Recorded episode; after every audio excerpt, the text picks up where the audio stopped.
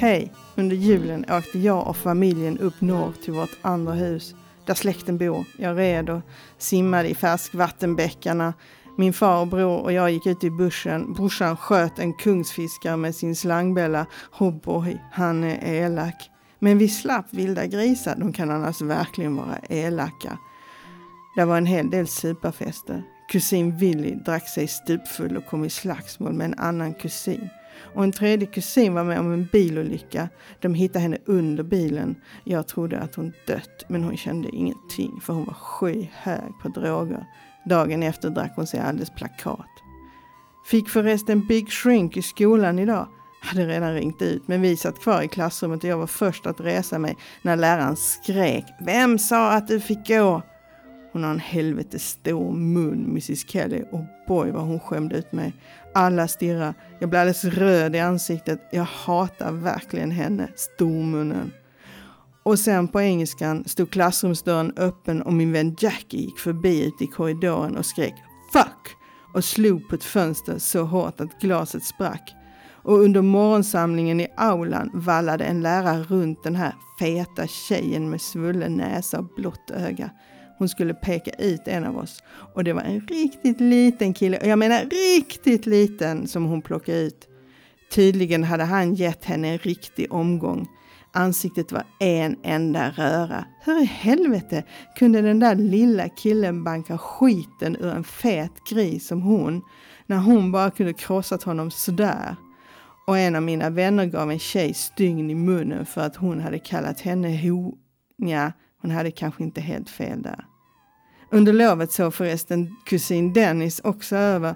Mitt i natten kom han till min säng. Idioten trodde inte jag skulle protestera när han försökte kyssa mig. Men jag sparkade honom rätt i kulorna hårt. Det fick honom att fatta.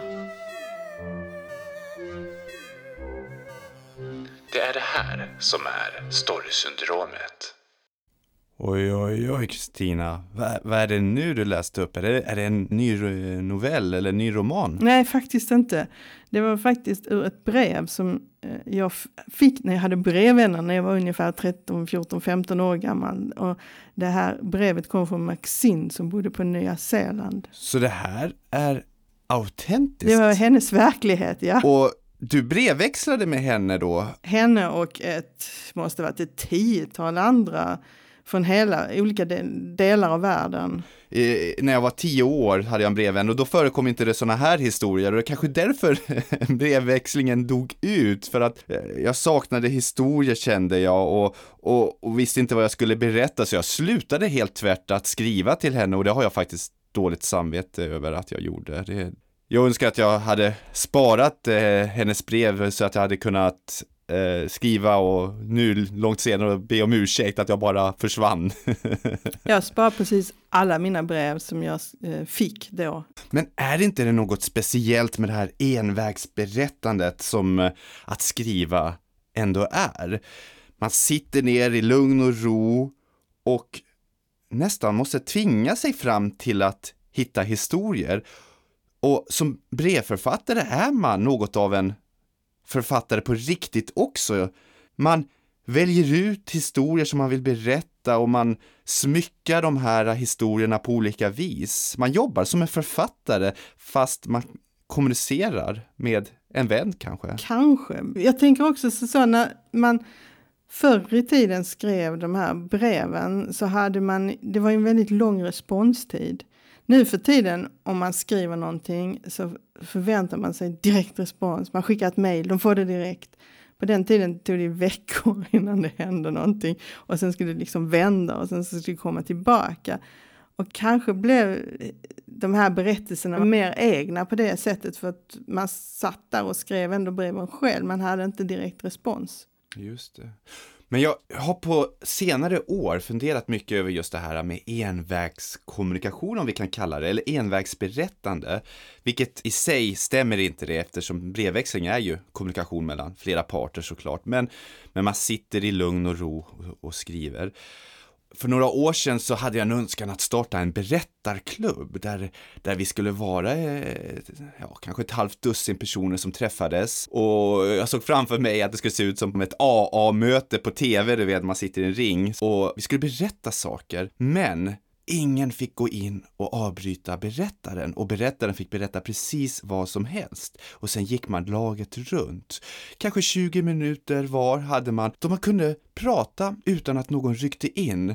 Och det här tyckte jag också var intressant för jag märker att när man pratar i en dialog med någon så föds ju samtalet på ett spännande sätt genom input. Det kan börja från en punkt och sluta på en helt annan punkt.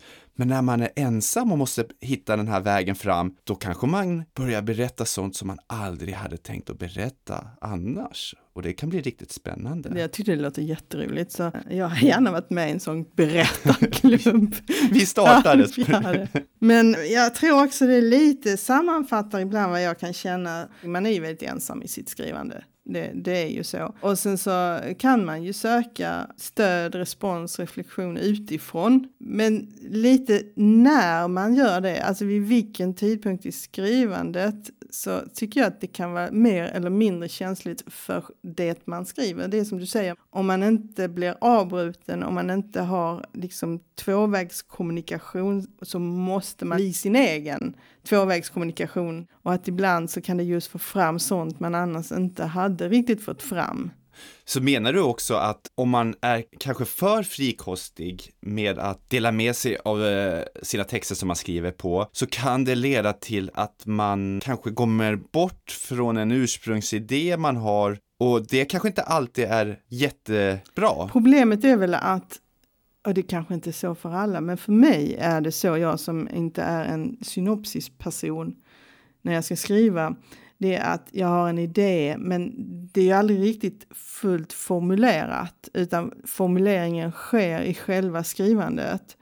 Och om jag då plockar in någon annan att komma med synvinklar på det, när jag inte har formulerat klart, då kan jag liksom ledas i fel riktning.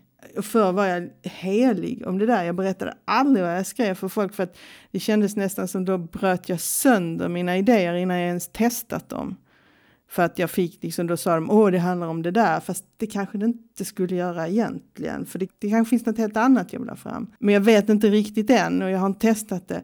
Men nu så har jag faktiskt kommit över det där betydligt mer. Men det är säkert också en mognad och en erfarenhet i hur man är när man skriver, som, och jag kanske inte är lika känslig jag har ju handlat många studenter som skriver och jag har ju lagt märke till att det är inte helt ovanligt att man som en ny prövande författare anpassar sig kanske efter en omgivning i sitt skrivande, för man tänker att det är så här jag ändå ska skriva med tanke på den respons jag får. Och ibland är det ju bra och positivt, men man kanske slipar ner den här spetsen som man har själv arbetat fram till tidigare. Och det blir kanske lite mer uddlöst skrivandet ibland och berättandet. Och man vågar kanske inte ta ut svängarna riktigt med tanke på de reaktioner man kan få. Ja, jag tror att du kan ha rätt i det. Jag vet att när vi gick författarskolan och skrev våra romaner som vi skrev där så här har man ju en responsgrupp. Och jag märkte på mig själv att när man skriver något som inte är färdigt och hela tiden exponerar det här för en grupp människor så börjar de förvänta sig saker som ska hända som jag inte skrivit än. Och någonstans så kände jag att det fanns risk för att jag började skriva efter deras förväntningar som kanske till och med var outtalade men som liksom ändå fanns när man hade sådana här diskussioner. Så nu så, eh, jag skriver klart saker innan jag tar in respons. Jag vet vad jag har att utgå från, jag har mitt material. Och att få responsen där tycker jag är väldigt värdefullt. Så det handlar inte om att sätta sig i sitt lilla torn där långt borta från alla andra och skriva fri från yttre påverkan? Utan det handlar snarare om att kanske lära sig att pendla mellan andras respons och kanske sina karaktärers respons. Och det jag tänker på här, det jag tänker på att jag läste om eh, Henrik Ibsen. När han förberedde sig för, en, för att skriva en pjäs så gick han igenom alla sina karaktärer i pjäsen, alla deltagare i pjäsen, person för person och lärde känna dem väldigt väl. Så han lärde känna dem så pass väl att han satte sig enligt, eh, enligt myten då, eller enligt sägnen, jag vet inte om det här är sant, så satte han sig på mm, ett tåg eh, och satte sig i en kupé och låtsades att karaktärerna var där och så pratade han med dem om ditten och datten, om det ena och det andra, bara för att tränga in ännu djupare i deras personlighet. Så han skapade dem, men han lät deras personlighet växa fram och prata med honom sen när han skulle skriva, vilket gjorde att de kunde ju fatta beslut och reagera på sätt som han inte hade reagerat på om han var i samma person. För de var ju helt andra personer än han. De hade helt andra förutsättningar. Och jag tycker det är ganska självklart, Henrik Ibsen är en fantastisk karaktärsberättare. Hans historia kommer all, för alltid leva kvar. Men är det inte lite som en sorts brevväxling med sina karaktärer? Man, man för den här fram och tillbaka diskussionen men vad jag tycker är, alltså vad jag då tycker är fascinerande med just den här formen som man då till exempel kan finna i renodlade brevromaner. Det är det här att man har ett tilltal som det är jag-person och jaget kan inte gå utanför sig själv och komma in med en annan synvinkel utan allting händer just runt den karaktären. Och det gör att då byggs en värld upp runt karaktären som är helt styrd av dens omedelbara närvaro och vad som händer precis runt om. Och det tycker jag är ett fascinerande sätt att, att skriva på. Jag tycker om att läsa sådana berättelser där man har en jag-form som är väldigt definierad.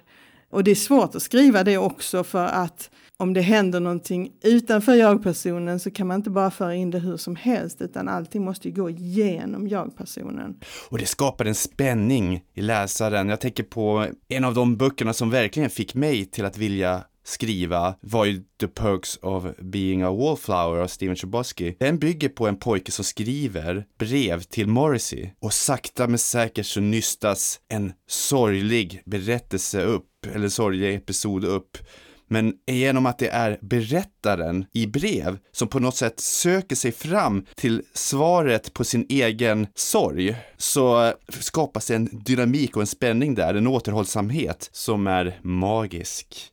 Jo, sen kom jag att tänka på en annan bok. Jag har precis lyssnat på en ljudbok av eh, Sylvain Novell och boken heter Sovande jättar. Det är tre böcker va? Det är tre böcker ja i en serie. Den andra heter Gudarna vaknar. Och hela, hela serien drivs av att det är intervjuer som man får ta del av. Ja, just det. Och hela serien kallas för Temis-filerna. Och det här är just vad det är. Det är filer, alltså transkriberade ljudinspelningar av förhör. Det är personliga anteckningar, det är små olika notiser skrivna som brev som har förts samman. Så det är en väldigt speciell bokserie, för den har ju inte det här gestaltande som vi pratar om, vi manusutvecklare och lärare, eller den kanske dynamiska dialogen eftersom det är ett återberättande, ungefär som brevet du läste upp precis, som bygger på handling, anekdotiskt berättande. Och för mig finns det ingen huvudkaraktär. Det är berättelsen, eller rättare sagt, det finns en huvudkaraktär, en huvudperson, och det är berättelsen. Och det är liksom det här, vad, hur hänger berättelsen ihop? Vad handlar allt om? allting om. Och det blir jättespännande att följa, där alla röster, alla brev i den här boken blir som en del i pusslet. Och det tänker jag på som brevet du läste upp också. Jag såg framför mig alla de här episoderna och tänkte att det här skulle kunna blivit en bok bara det här brevet är som ett, en synopsis till en, till en bok eh, eller en, en, film eller en serie till och med. Och, och det, att få det så komprimerat, det, det finns en spänning i det som är fantastisk tycker jag. Ja, men, jo, men jag tror också det är den där komprimerade formen. Och det är, väl, det är också väldigt tacksamt att skriva just i den formen, tycker jag. Och om jag ska återvända till Himalaya-breven, som då min bok heter, en av mina böcker, så eh, handlar det just om att det finns en samling brev. Och de breven, de har betydelse för historien, men de innehåller ju också en parallell historia som jag fick bygga upp. Där det är en man som åker som blomsterjägare i början av 1900-talet till Himalaya och skriver hem till sin förlovade i eh, Rå. Och just att bygga upp en historia med den här ens, envägsberättandet där det, man bygger en värld helt runt en människas upplevelse som återges i någon sorts brev eller intervjuform eller någonting sånt är väldigt kul. Men du pratar ju om den här Sovande jättar eh, som då består av intervjuform genom hela, alla tre böckerna i serien. Och nu är det ju så att vi har ju faktiskt en riktigt spännande liten novell som vi har fått. Och jag tycker vi ska lyssna på den och den utspelar sig dessutom i ett framtida Japan och jag-personen har ett lite udda yrke. Så den är lite läskig. Men med den här novellen tycker jag att vi också avslutar första säsongen av Storysyndromet. För efter det här så tar vi en liten semesterpaus och sen återkommer vi i höst med en ny säsong. Ja, men vi kommer tillbaka i september laddade för något speciellt. Vi kommer sända direkt från novellfesten i Lund bland annat. Så ratta in Storysyndromet i höst också. Och nu lyssnar vi på Likstädaren av Marcus Tullberg inläst av Marcus Tullberg.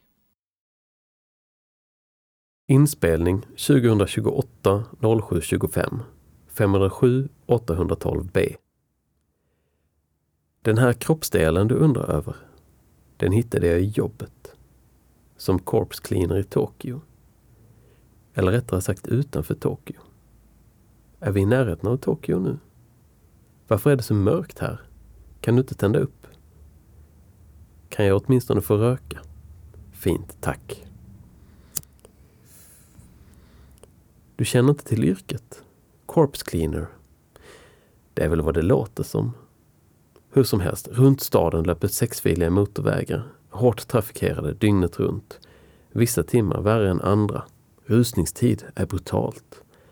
Varje dag sker olyckor på motorvägarna. Och när det smäller, smäller det rejält.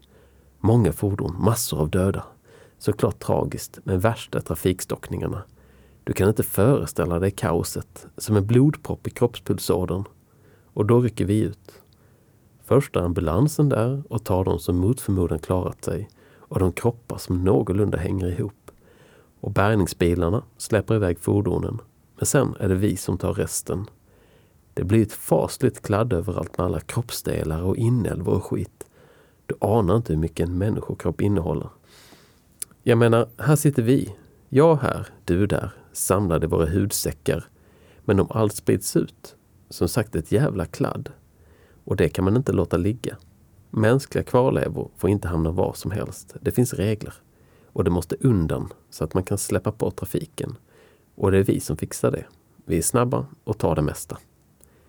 Såklart att mycket hamnar ute på vallarna och i vägrenen. Och där är fåglarna våra bästa vänner. De slutför jobbet kan man säga. Låter jag som en galning? Det kommer med jobbet. Man får en konstig inställning till kroppar. Men så är det väl inom alla yrken. Jag har en vän som jobbar på bryggeri. Hon är alkis. En annan kompis jobbar på bank. Girig som fan. Jag kan allt om människans anatomi utan att ha läst en enda bok. Lever, njurar, hjärnor, hjärtan. Det finns inget som jag inte sett. Om tunntarmen dras ut blir den fem meter lång, längre än en bil. Men det är bra betalt. Jag har köpt ett hus på kullarna utanför staden. Jag kan cykla till stationen.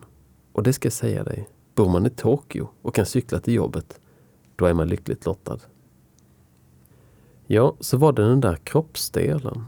Jag ska ta det från början. En riktigt rejäl smäll. Massor av fordon inblandade. Bilar, lastbilar, minst en buss och ett knippe motorcyklar. När vi kom fram var det en jäkla smet över hela platsen. Vi jobbade på och ute i vägrenen hittade jag det där skelettbenet. Jag är säker på att det inte var mänskligt. Det var liksom grövre och inte lika poröst som ett människoben. Det var inte heller från ett djur.